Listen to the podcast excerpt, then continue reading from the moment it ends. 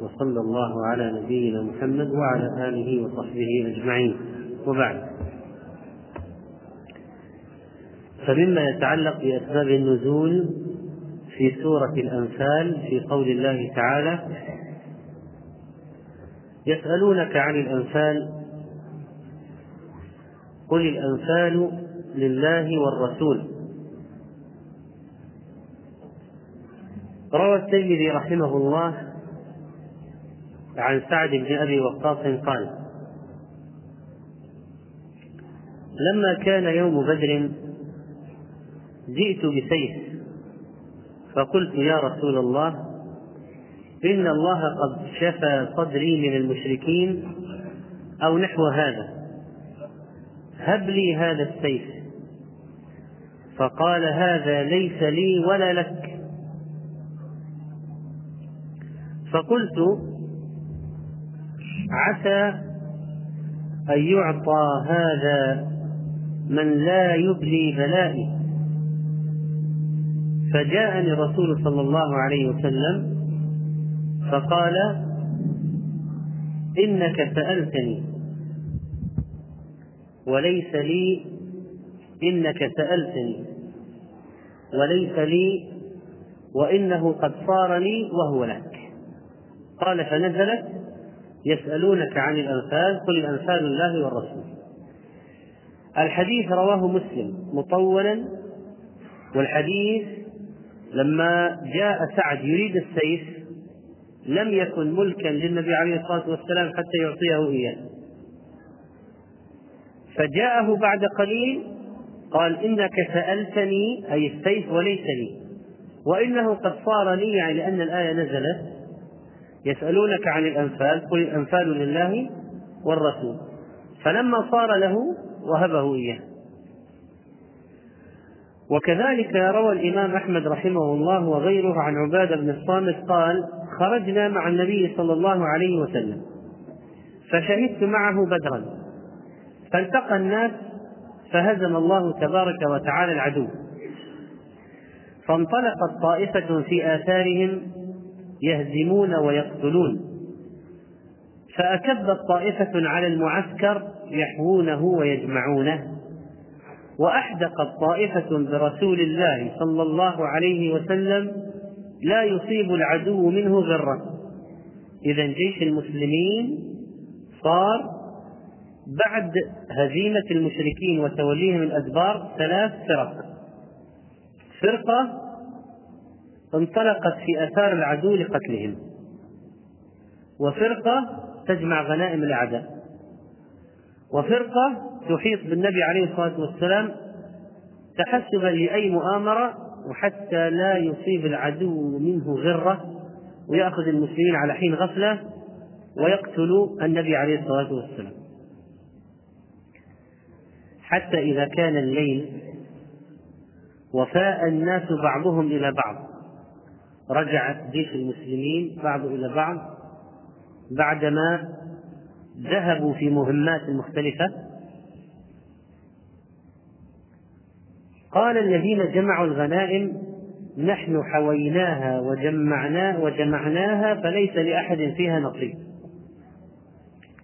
وقال الذين خرجوا في طلب العدو لستم بأحق بها منا نفينا عنها العدو وهزمناه وقال الذين أحدقوا برسول الله صلى الله عليه وسلم لستم أحق بأحق بها منا نحن أحدقنا برسول الله صلى الله عليه وسلم وخفنا أن يصيب العدو منه غرة واشتغلنا به.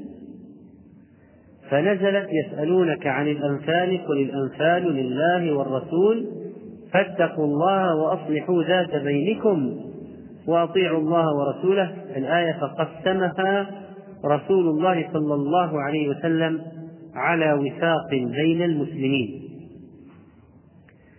وقد جاء للحديث شاهد عن ابن عباس أن رسول الله صلى الله عليه وسلم قال يوم بدر من قتل قتيلا فله كذا وكذا. أما المشيخة فثبتوا تحت الرايات وأما الشبان فتسارعوا إلى الغنائم. فقال المشيخة للشبان أشركون معكم؟ فإنا كنا ردءا لكم ولو كان شيء لجئتم إلينا. فأبوا فاختصموا إلى رسول الله صلى الله عليه وسلم فأنزل الله عز وجل يسألونك عن الأنفال لا تنافي بين السبب الذي في قصة سعد والسبب الذي في قصة عبادة لأنه لا مانع أن تكون الآية نزلت في السببين جميعا. كما هو مر معنا في غير مرة. إذ تستغيثون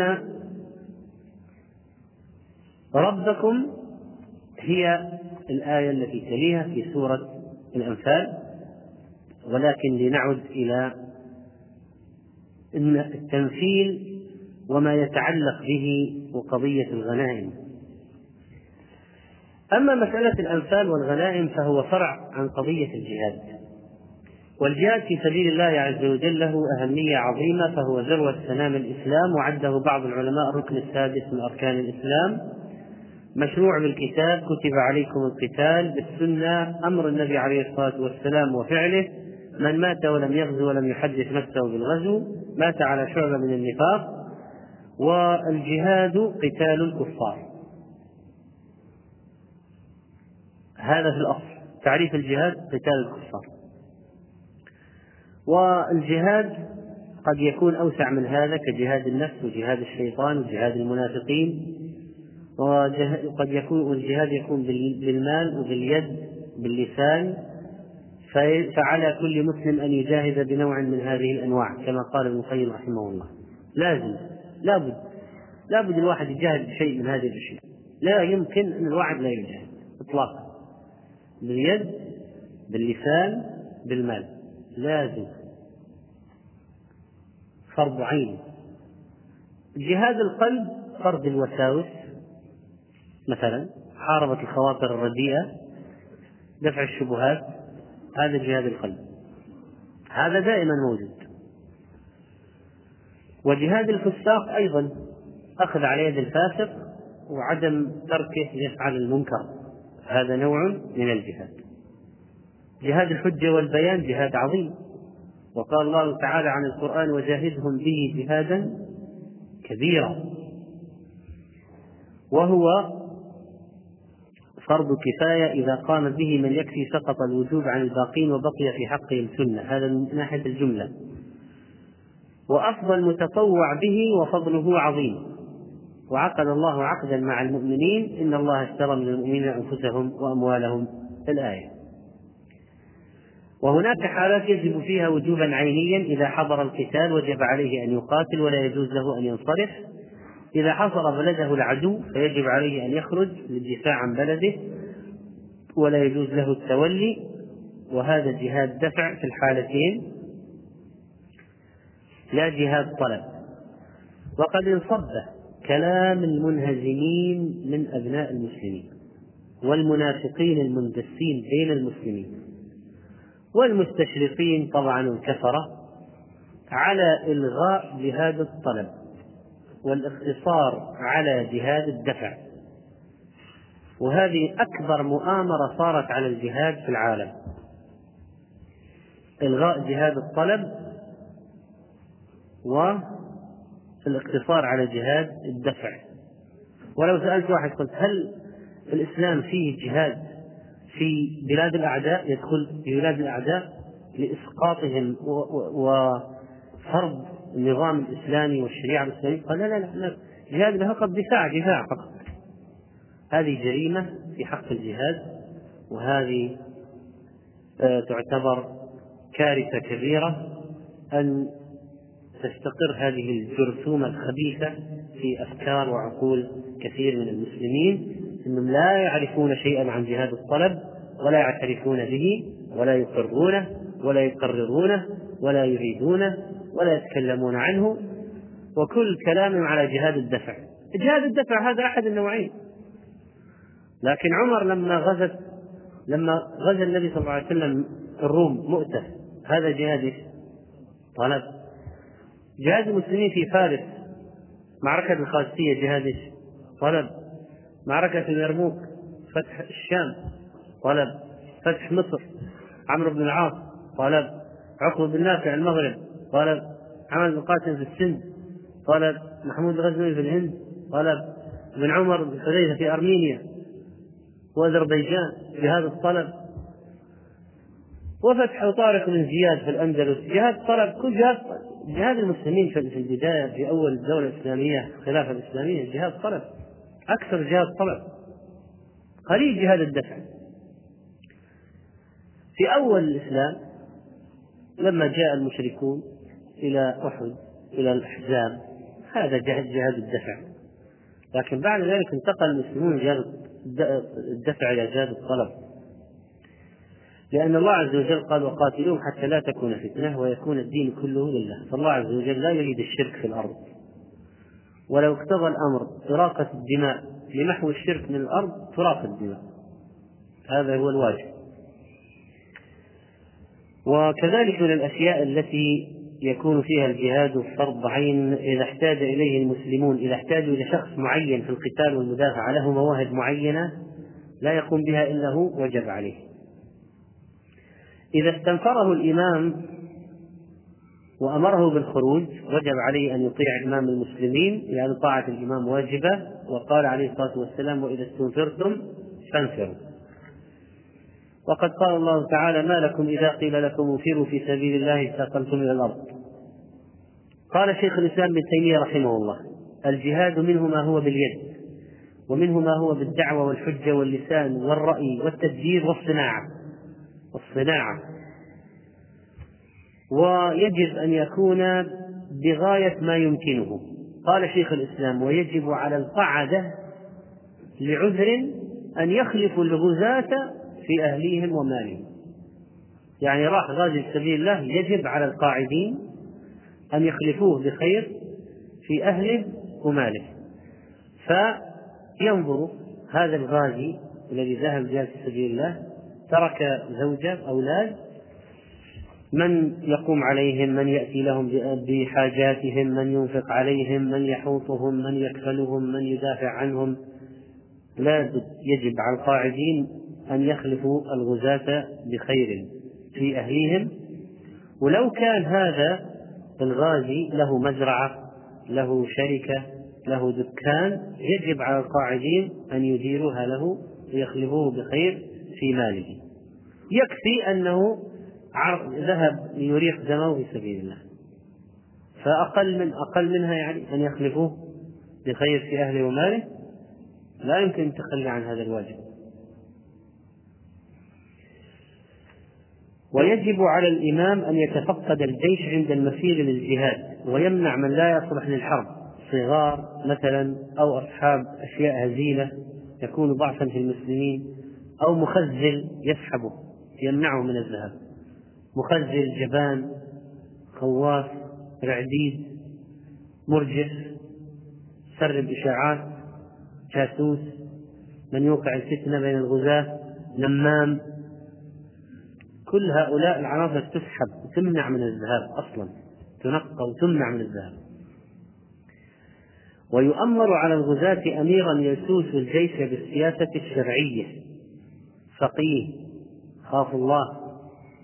ويجب على الجيش أن يطيعوا قائدهم وأميرهم بالمعروف. يا أيها الذين آمنوا أطيعوا الله وأطيعوا الرسول وأولي الأمر منكم. شرع الله الجهاد لتخليص العباد من عبادة الطواغيت والأوثان لعبادة الله. شرع الله الجهاد لإزالة الظلم وإعادة الحقوق إلى مستحقيها. وذل الذين يقاتلون بأنهم ظلموا. وإن الله على نصرهم لقدير شرع الجهاد لإذلال الكفار. والانتقام منهم وكسر شوكتهم. لأن الله لا يريد أن يكون الكفار أقوياء. الله لا يريد. الله يريد أن يكون الكفار ضعفاء. ولذلك قال قاتلوهم. يعذبهم الله بأيديكم ويخزهم. والله يريد أن الكافرين يصابون بالخزي. الله لا يريد الكفار أعزة. يريد أذلة لأنهم كفروا به. لا يستحقون العيش. الكافر بالله لا يستحق الهواء الذي يتنفسه. قاتلوهم يعذبهم الله بأيديكم ويخزيهم وينصركم عليهم ويشفي صدور قوم مؤمنين ويذهب غيظ قلوبهم ويتوب الله ويتوب الله على من يشاء والله عليم حكيم. لا قتال إلا بعد تبليغ الدعوة، إذا بلغوا بالدعوة بعد ذلك القتال. وكان قواد الجيوش يدعون أهل البلاد إلى الإسلام أولا فإن استجابوا وإلا قاتلوهم. لأن الغرض ما هو؟ إخضاع الناس للإسلام. إذا تم بالحسنى فلماذا ركوب الصعب؟ وإذا وجد طريق أيسر للتحصيل المطلوب لا يسلك الطريق الأصعب. إذا أمكن أن يدخلوا في الدين بالدعوة ما هو لازم نقاتلهم؟ يعني ليس قتلهم هو الهدف. الهدف دخولهم في الدين. فإذا رفضوا وكانوا حجر عثرة وعائق أمام انتشار الدين يقاتلون لكسر شوكتهم.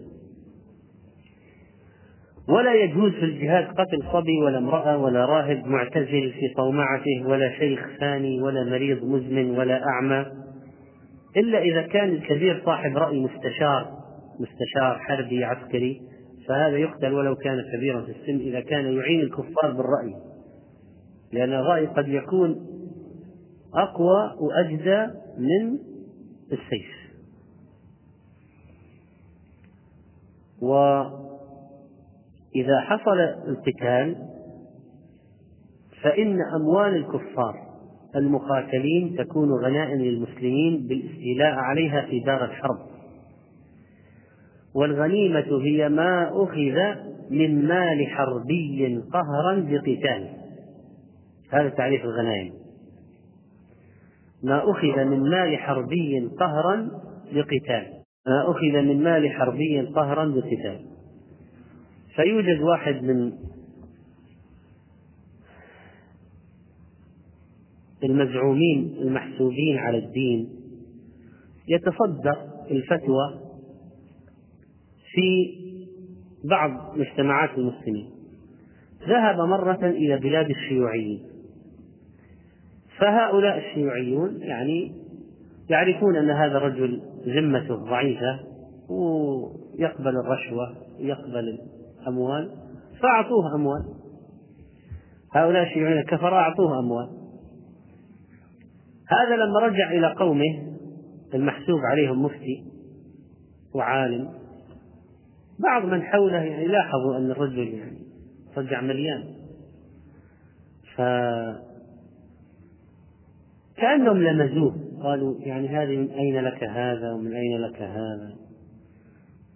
فقال والله نحن ذهبنا إلى هؤلاء الشيوعيين وعرضنا عليهم الإسلام أو الجزية أو القتال فأعطونا الجزية.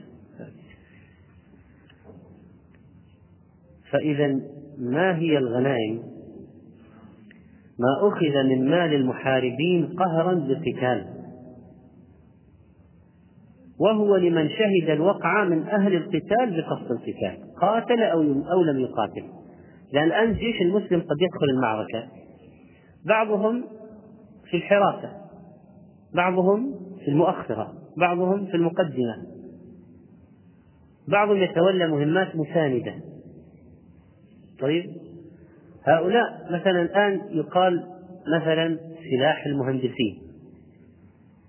هؤلاء قد يكون قد يكون هؤلاء يقتحمون تحصينات أو يبنون جسور لكي تعبر عليها الآليات إلى العدو.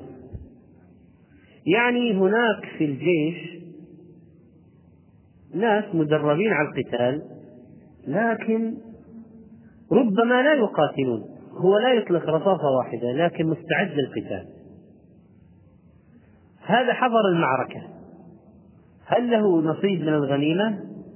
نعم وإن لم يقاتل قال عمر رضي الله عنه الغنيمة لمن شهد الوقعة.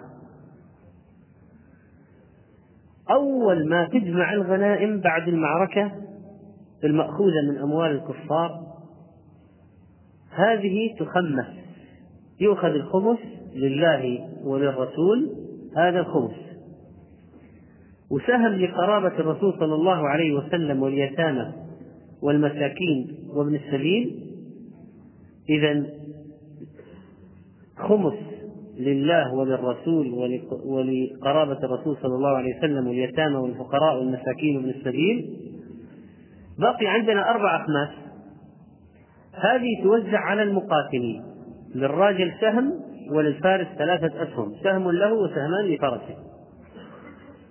لأن النبي صلى الله عليه وسلم لما وزع غنائم خيبر أعطى الراجل الذي على رجليه المشاة سلاح المشاة سهم وأعطى الذي قاتل على فرسه ثلاثة سهام ثلاثة أسهم واحد له واثنان للفرس لأن الذي يقاتل على الفرس أجدى في العدو.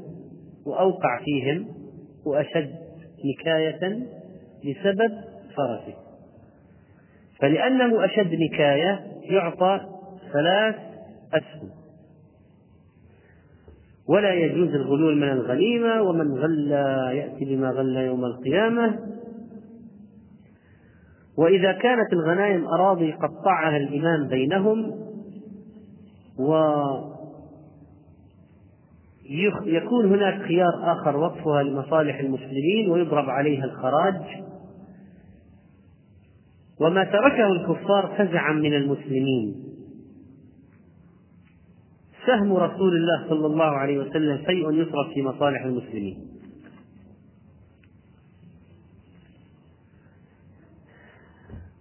هذه الغنائم التي تؤخذ يجوز أن ينفل الإمام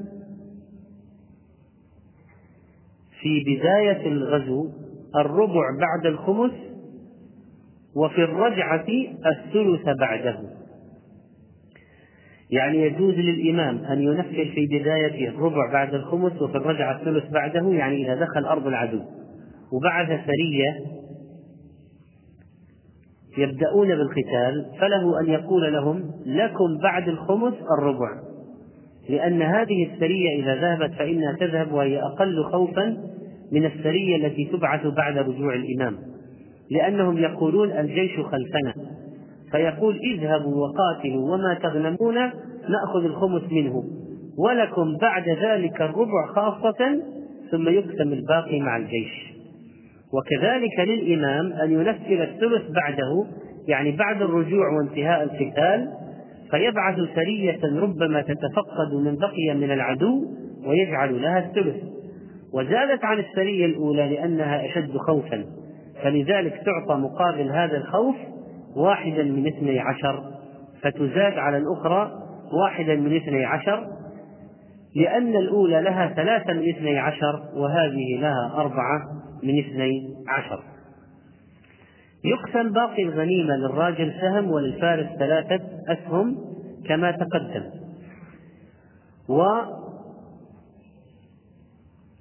وغناء الفارس أكثر من غناء الراجل يعني نكايته في الأعداء. فإن قال قائل إن الحروب اليوم ما فيها جياد وخيول في الغالب لكن فيها طائرات ودبابات ومركبات وآليات فما هو ما هي القسمة في هذه الحالة؟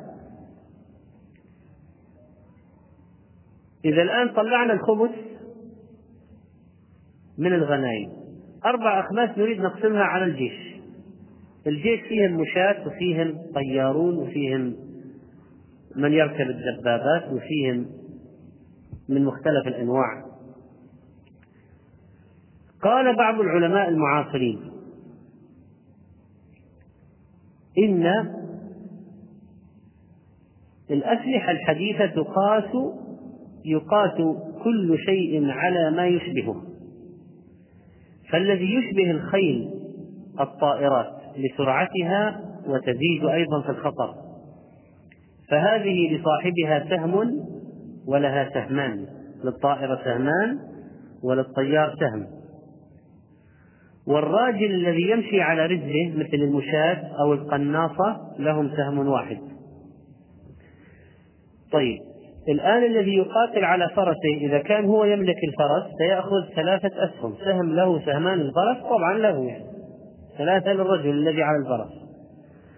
لكن الطيارة إذا كان لا يملكه الطائرة هو طيار فقط سهمان للطائرة. إذا كانت الطائرة ملك بيت مال المسلمين ترجع يرجع السهمان هذان لبيت المال ويأخذ الطيار سهم مثل المشاة. لكن لو كان هو الذي يملك المركبة الدبابة الطيارة سيأخذ الثلاثة له. لكن الغالب الآن في الجيوش أن أن هذه الآليات ملك الدولة. فلو كانت هذه الدولة إسلامية معنى ذلك أن ملك الطيارات والدبابات لمن؟ لبيت مال المسلمين. فإذا قسم الغنائم قسموا الغنائم سيأخذ الذي يقودها سهم واثنان ترجع إلى بيت المال. قال الشيخ بن عثيمين رحمه الله من فقهاء العصر والذي يشبه الإبل الدبابات والنقليات. فالشيخ رحمه الله شبه الطائرات بالخيل والدبابات بالإبل. وهذا من عجائب الاستنباط ودقة الفقه والنظر. هذا مثال على استنباط علماء العصر كيف يستنبطون. فلذلك لذلك فإن لأصحاب من قاتل الذي يقاتل على دابة غير القاتل على رجليه. فالدبابة تلحق بالإبل والطائرة تلحق بالخيل. وإذا رأى أمير المسلمين أن يعطي قائد الطائرة كل السهام تشجيعا له إذا كان عمله خطيرا فلا بأس بذلك. يعني من مصلحة من صلاحية الإمام من آه، قدرة الإمام واختصاصه أن يوزع الغنائم أن يوزع الغنائم بنحو يشجع فيه أصحاب المهمات الخطيرة. وكذلك فإنه يجوز للإمام أن ينفل من ظهر منه زيادة نكاية في العدو. كرجل صعد حصنا عاليا ففتحه. أو حمل على مقدم العدو فقتله. يعني واحد قتل قائد الجيش الكافر. هذا المسلم الذي قتل قائد الجيش الكافر عمل عملية بطولية يكافئ عليها. إذا حاصر المسلمون حصنا قال على الكفار فواحد من المسلمين خاطر بنفسه واقتحم وفتحها يعني عمل عملية بطولية. يجوز لقائد الجيش يجوز للإمام أن ينفل هذا الذي قام بالمهمة المتميزة أن ينفله شيئا من الغنيمة غير نصيب فوق نصيبه. فوق نصيبه. قال شيخ الإسلام ابن تيمية رحمه الله وأن ذلك على الصحيح يجوز من أربعة الأخماس وإن كان فيه تفضيل بعض على بعض ما دام ذلك لمصلحة دينية لا لهوى النفس. كما فعل رسول الله صلى الله عليه وسلم غير مرة. كما فعل رسول الله صلى الله عليه وسلم غير مرة. إذا للإمام أن يتدخل في القسمة بحيث سيجتهد وبعلم وبدون اتباع للهوى والنبي صلى الله عليه وسلم أعطى قريشا يتألف قلوبهم بعد حنين أعطى الواحد على مئة من الإبل مئة من الإبل. فإذا تحقق في الإمام العلم والعدل ولم يصدر ذلك عن هوى جاز أن يتدخل في القسمة هو فيعطي ناس بحسب المصلحة. ناس يتألف قلوبهم يعطيهم منها ناس لأنهم أدوا مهمات خطيرة جدا يعطيهم أكثر وهكذا. فيكون تكون القسمة بالعلم والعدل وليس باتباع الهوى. وتقدم أن الفارس بالفرس العربي له ثلاثة أسهم سهم له وسهمان لفرسه. التنفيل تنفيل الإمام له ثلاث صور. أولها أن يبعث الإمام أمام الجيش سرية تغير على العدو ويجعل لهم شيئا مما يغنمون. يقول الآن نحن سنأتي إلى العدو. أنتم يا أيها السرية كونوا في المقدمة. وقوموا بالغارة على الأعداء. وما أخذتم من أموالهم لكم ربعه. لكم ثلثه. يجوز هذا. يجوز. هذه صورة من صور التمثيل. للإمام أن ينفل السرية التي تكون في المقدمة. له أن ينفلهم بهذه الطريقة.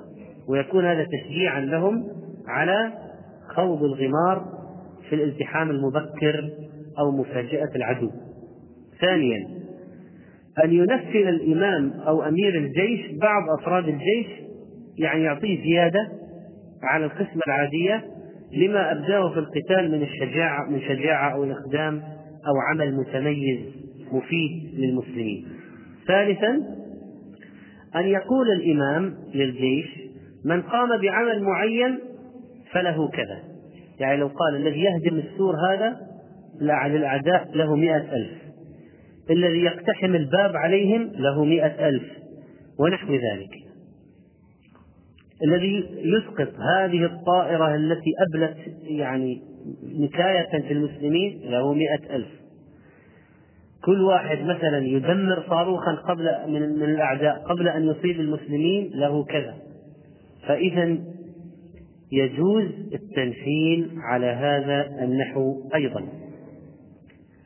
يجوز التنفيل من بيت المال الذي عند الإمام. وإذا أراد من الغنائم فيجوز له عند الحنابلة وهو قول للشافعية أن يكون النفل من أربعة أخماس الغنيمة مطلقا. يعطيه مئة ألف منها من أربعة الأخماس. ويجب أن تكون يعني هذه الغنائم ليست هي الغاية من القتال. هذا عاجل بشرى شيء معجل في الدنيا لكن الأجر عند الله. ولذلك الذي يجاهد ولا يغنم أجره أكبر من الذي يجاهد ويغنم لأن ذاك ما حصل شيء من الدنيا. واحد ذهب وقاتل وقتل فأخذ ماله أخذ فرسه عقر فرسه جواده أريق دمه هذا أعظم الشهداء لأنه ما رجع بشيء. ذهب بنفسه وماله ولم يرجع بشيء. الذين يغنمون ويسلمون يتعجلون ثلثي أجرهم. أما الذين يذهبون ولا يرجعون بشيء فلهم الأجر كاملا. ويجب أن يكون يعلم أيضا أن العلماء لما تكلموا في أحل الحلال على الأرض أحل الحلال مصادر الدخل فإن أحل الحلال على الأرض غنائم المعارك. هذه مسألة طيب أن تفهم وتعلم. أحل الحلال لو قلت لو قال واحد أنا أريد أحل الحلال على الأرض. قال العلماء أحل الحلال على الأرض غنائم الكفار. ليه؟ قال الله تعالى فكلوا مما غنمتم حلالا طيبا فوصفه بوصفين. قال فكلوا مما غنمتم حلالا طيبا. فأطيب المكاسب على الإطلاق ما أخذ من غنائم الأعداء. لا يستحقون أن تكون عندهم. أصلا هؤلاء الكفرة لا يستحقون المال هذا. ولذلك سلبه منهم بالجهاد. وليس بالاحتيال والسرقة من بعض الناس يقول أي شيء تسرقه من كافر غنائم. لا. عرفنا الغنيمة. ما هي الغنيمة؟ مال المحارب المأخوذ بالقتال. ليس أي كافر. الكفار أنواع. في كافر ذمي كافر كافر معاهد كافر محارب. فإذا كفار أنواع. فالكافر المحارب إذا أخذ ماله بالقتال هذه هي الغنائم. هذه أحل الحلال على وجه الأرض. ثم بعد ذلك قال العلماء ما طابت الزوجة لزوجها فإن طبن لكم عن شيء منه نفسا فكلوه هنيئا مريئا. قالوا الزراعة لأن فيها توكل على الله. وقالوا الصناعة وقالوا العقار وقالوا البيع المبرور. الحديث لأنه لأنه قد جاء في الحديث أطيب الكسب عن أطيب الكسب كل بيع مبرور فتكلم العلماء في قضية ما هو أحل الحلال أو الحلال بالترتيب. ومصادر الدخل أطيب شيء ثم أطيب ثم وهكذا. فاتفقوا على أن الغنائم غنائم مأخوذة من أموال كفار في القتال أحل الحلال على وجه الأرض. وينبغي على المسلم أن يعلم بأن المال ليس هو المقصود من القتال وليس هو المقصود من الحياة جمع المال وإنما الحياة لعبادة الله. والجهاد القصد منه ما هو؟ إقامة التوحيد وإزالة الكفر والشرك وقاتلوهم حتى لا تكون فتنة والفتنة هي الشرك. ويكون الدين كله لله. هذا هو الهدف من القتال في الإسلام. والذين المرتزقة هؤلاء الذين يقاتلون لأجل الأموال فهؤلاء بئس ما صنعوا. بئس ما صنعوا. وكذلك الناس الذين يجمعون الأموال ويكنزونها وربما أفسدوا دينهم بجمع المال. وممكن يتنازل عن أي شيء من أجل المال. عن الدين عن العرض عن الأمانة عن الشرف عن كل شيء يضحي به من أجل المال. وجد هذا مذهب في الناس الآن منتشر. مذهب منتشر التنازل عن كل شيء لأجل المال. مبادئ دين أخلاق عقيدة كل من أجل المال. مع الأسف. يا جامعا مانعا والدهر يرمقه مفكرا أي باب منه يغلقه جمعت مالا ففكر هل جمعت له؟ يا جامع المال أياما تفرقه؟ هل جمعت أيام أنت جمعت المال. هل عندك أيام جمعتها لتفريقه؟ المال عندك مخزون لوارثه. ما المال مالك إلا يوم تنفقه؟ إن القناعة من لم يحلل بساحتها لم يأل في طلب مما يؤرقه. ولذلك فإن الجموع المنوع صاحب الشح الهالع والجبن الخالع من أسوأ ما يمكن أن يكون في الناس من الصفات. ما الفقر أخشى عليكم؟ ولكن أخشى أن تفتح الدنيا عليكم. كما فتحت على من كان قبلكم فتنافسوها كما تنافسوها فتهلككم كما أهلكتهم.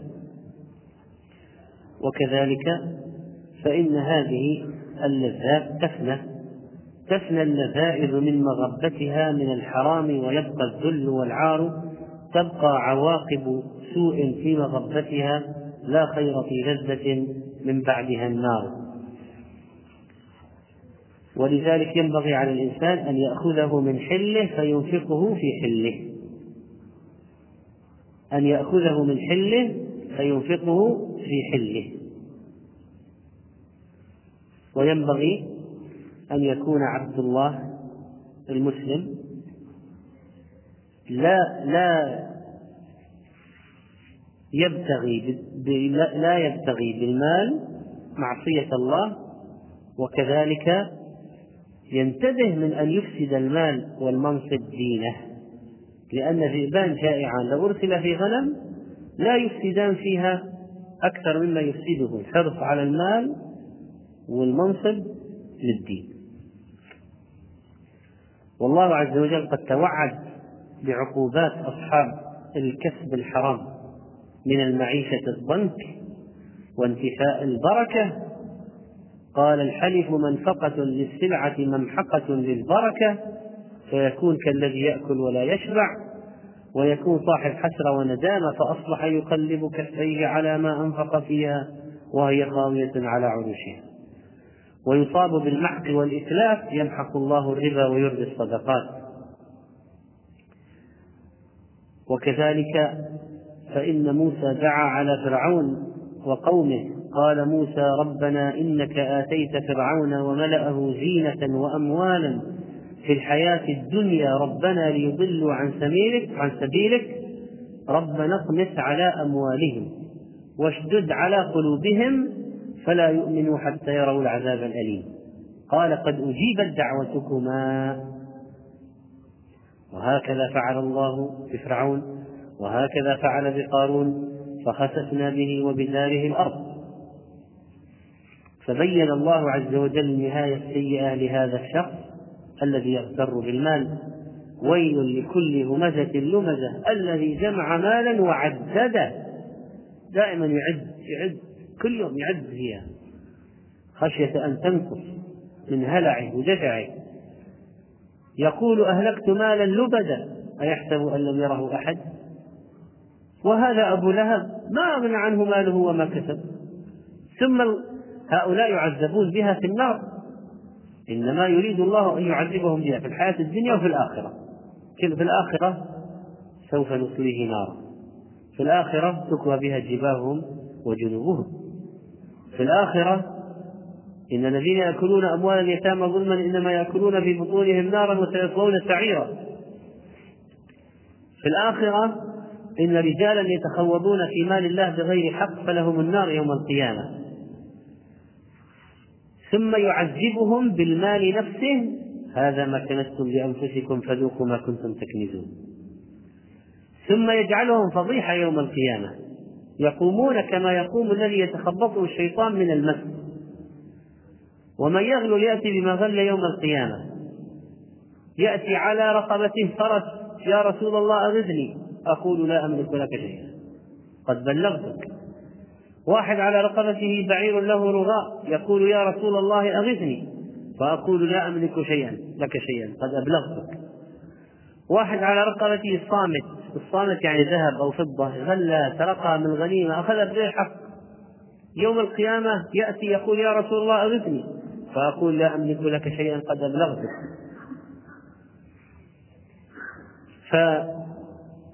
فالذي يجاهد لأجل المال أو يقاتل لأجل المال ليس له إلا ما نوى. من من نوى عقالا من أراد العقال فله ما نوى. نسأل الله السلامة والعافية وصلى الله على نبينا محمد. يقول ما حكم القرقيعان؟ قد صدرت فتوى الشيخ عبد العزيز بن باز رحمه الله واللجنة الدائمة بأن هذه بدعة وعيد محرم لا يجوز المشاركة فيه لأن العيد هو ما يعود ويتكرر وتظهر فيه البهجة والسرور. هذا العيد القرقيعان 15 رمضان يعود ويتكرر في نفس اليوم نفس السنة يعود ويتكرر تظهر فيه البهجة والفرحة بل هو عند الأطفال قد يكون أكثر بهجة من عيد الفطر. فهو عيد. إذا حرام لأن الأمة ما لها إلا عيدان عيد الأضحى وعيد الفطر. فإذا اخترعنا عيد القرقيعان وعيد شم النسيم وعيد وعيد آه الربيع وعيد وعيد من أعياد الكفار؟ هذا الكريسماس وهذا الهالوين وغير ذلك وغير ذلك فإذا دخلت علينا الأعياد من كل جانب وليس لنا إلا عيدان إذا ابتلع الغمن بغير قصد فصيامه صحيح. لي ولد سنتان لم نتصدق وزن شعره تصدق الآن لا بأس. قص شعر المرأة الكتف بين الأذن بين الأذن والكتف لا بأس به.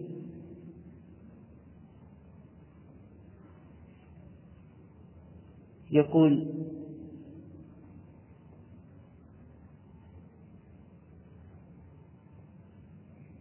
عن الجهاد في البحر. الجهاد في البحر له ميزة خاصة. ولذلك النبي صلى الله عليه وسلم أخبر أن المائد يعني الذي يدوخ في البحر دوار البحر هذا كالمتشحط بدمه في سبيل الله. الجهاد البحري الجهاد في البحر له فضل على الجهاد في البر لأنه أخطر تعرض فيه للموت أكثر. فقد يكون بالغوص وقد يكون بركوب السفن وقد حكت كتب التاريخ الإسلامي عن واحد من المسلمين في حصار عكا كانت سفن الإفرنج تحاصر عكا من البحر. فكان واحد من المسلمين ماهر بالغوص يغطس. بأشياء من صلاح الدين إلى أهل عكا فيها كتب تعليمات رسائل أموال. يغطس تحت سفن الكفار إلى أن يصل إلى الساحل ثم يرجع. فحمل مرة حملا وغطس فمات رحمه الله. لكن الله عز وجل ألقاه إلى ساحلهم. يعني ساحل المسلمين قالوا فبلغ الأمانة بعد موته. وصلت. فإذا يكون الجهاد في البحر وإغراق مراكب العدو وقتالهم فيه من أعظم الجهاد في سبيل الله. وقد أدركه بعض الصحابة وجاهدوا في البحر وكانت منهم إحدى النساء المسلمات. الصحابيات الجليلات ركبت البحر. ولما خرجت ماتت رحمها الله ورضي عنها وأرضاها.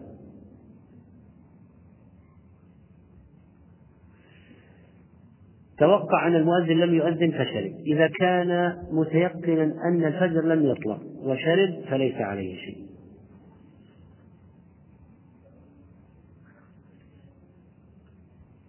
اغتسلت ولم أنوي الوضوء. إذا لم تنوي بالغسل الطهارة فأعد صلاتك لأن الأعمال بالنيات.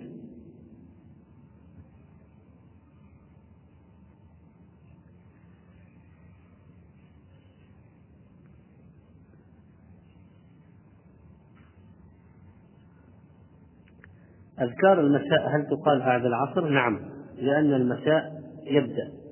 لأن بعد العصر يسمى مساء في اللغة كما أن الليل يبدأ من بعد المغرب فأذكار المساء يمكن أن تكون بعد. يمكن أن تقال بعد العصر وأذكار الليل الليلة تكون بعد المغرب استقبال القبلة عند تلاوة القرآن أحسن ولكن لو ما استقبله فليس عليه شيء لو ما استقبل القبلة بالتلاوة.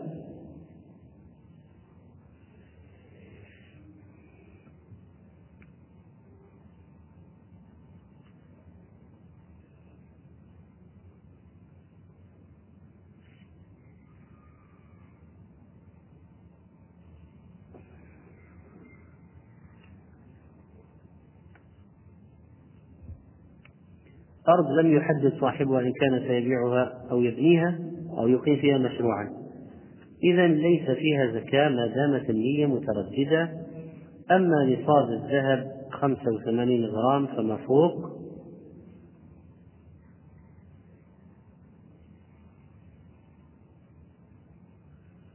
كيف يكون الجهاد نحو الابن المتأثر بالمجتمعات الفاسقة؟ وإذا عزلته عنهم هرب من البيت ولا يعود إلا بعد أسابيع. هناك آه، الولد النبي صلى الله عليه وسلم أخبر أن الولد محزنة.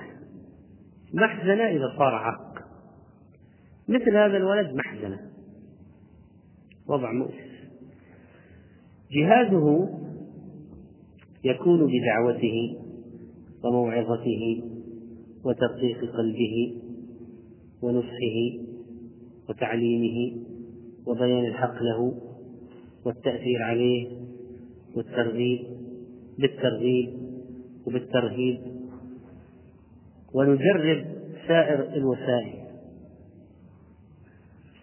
لكن تركيز الأمر على المشكلة الأساسية وهي معالجة قلبه قبل أن نركز على مشكلة من الذي يفرض رأيه الأب أو الابن في قضية خروج مع فلان أو مع فلان؟ لأن هناك أشياء إذا عولجت من أساسها ذهبت أعراضها ومظاهرها. أما إذا انصب العلاج على العرض والمظهر فقد يفشل العلاج. ولذلك الولد هذا ما دام أنه إذا منع من أقارب من من أهل السوء هرب. فإذا المنع هنا قد لا يفيد لأنه يزيد سوءا. على الأقل لو خرج كل يوم يرجع. لو خرج يرجع كل يوم يرجع. لكن إذا منعته هرب ما رجع إلا بعد أسابيع. معناه مصيبة. إذا يحتاج الأمر إلى موازنة بين مصالح ومفاسد. وأحيانا الولد كثيرا ما يكون ما لا يكون تحت السيطرة. فإذا نقارن نتحمل الضرر نتحمل مفسدة معينة لدرء مفسدة أكبر. فقد يكون المفسدة الأكبر بقاؤه في البيت فيطرد قد يكون المفسدة الأكبر طرده من البيت فيبقى. ففي أولاد طردهم مفسدته أكبر يعني على وجوده على ما فيه من شر أهون من طرده. كمن كان يدخن فطرد فصار يستعمل مخدرة. وقد يكون طرده أهون من إبقائه كما إذا كان يفسد في البيت. يفسد في البيت. فقد والعياذ بالله يعتدي على أخته يعتدي على الخادمة يعتدي يعني مفسد مجرم. فهذا طرده قد يكون هو حتى إذا أجرم يجرم على نفسه ولا يتعدى إلى داخل إلى الناس الآخرين في البيت.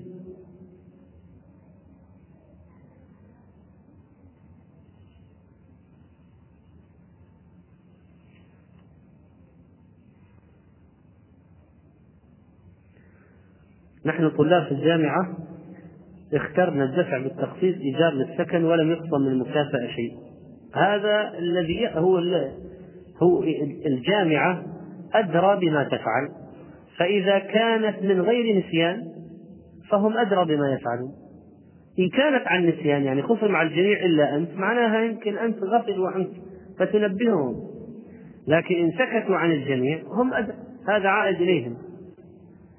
قد يخصموها كلها دفعة واحدة قد يقسطوها على أشهر قادمة غير الأشهر هذه قد يتنازلوا عن حقهم هذا لهم. قتل المرأة إذا كانت تحمل السلاح من الكفار مجندة تقتل وكذلك اللي ما بلغ إذا كان يحمل السلاح من الكفار يقتل. بعض النساء يضعن في موضع السجود غطاء للوجه أو جزء من العباءة لمنع الرائحة. يكره يكره للإنسان أن يسجد على ثوب متصل به. ولا يكره له أن يسجد على شيء حائل غير متصل به كما ثبت في الحديث. فإذا السجادة هذه ممكن تسجد عليها غير متصلة بك لكن تضع طرف الثوب كم الثوب كم الخمار جزء من الغترة يكره السجود على حائل متصل بالمصلي. إلا إذا حصلت حاجة مثلا حر شديد لابد تضع شيء تسجد عليه لو طرف غطاء الرأس. أو رائحة لا تطاق. أما بدون حاجة فقد ورد النهي في السجود على المتصل بالمصلي.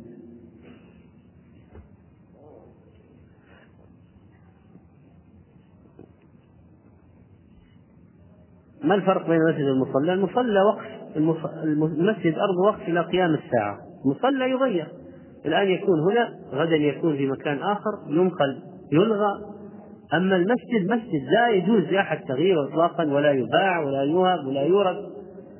المصلى قابل للتغيير والنقل والتبديل التصغير والتكبير والإلغاء.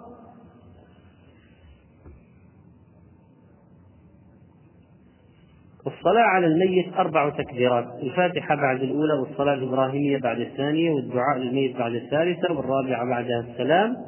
وورد في كيفيات التكبيرة الخامسة والسادسة والسابعة وقال بعض العلماء بعض منها شاذة قال بعض منها ثابتة وإذا كانت ثابتة فبعدها أدعية يعني بعد الرابعة والخامسة والسادسة دعاء أدعية للميت.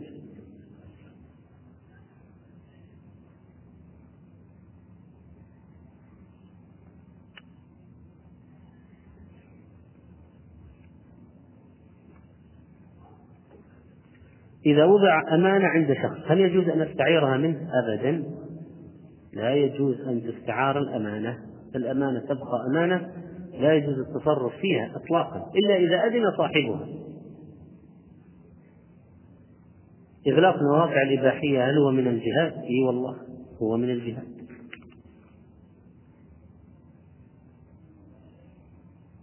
امرأة تعاني من الوسواس كان في الصلاة فصار الآن إذا انتشر إلى أشياء أخرى كغسل الملابس عدة مرات وكنس الغرفة بدون حاجة.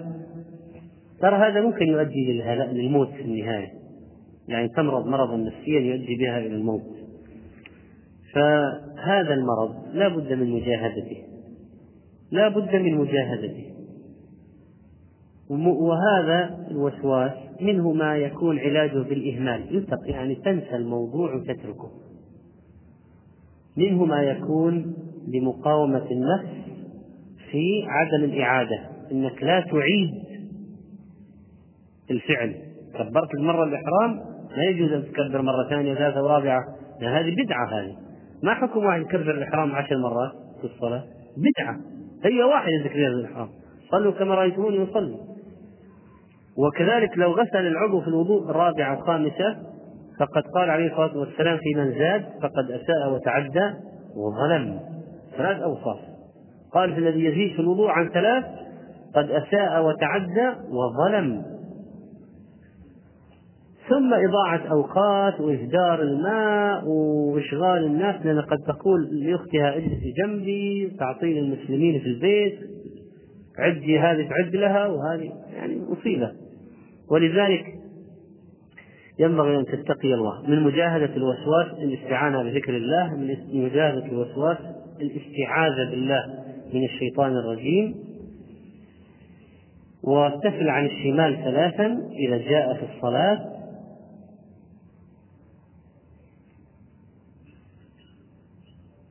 يقول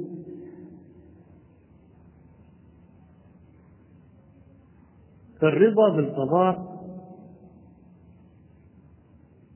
هل يتعارض مع الدعاء؟ لا. لا. النبي صلى الله عليه وسلم لما سحر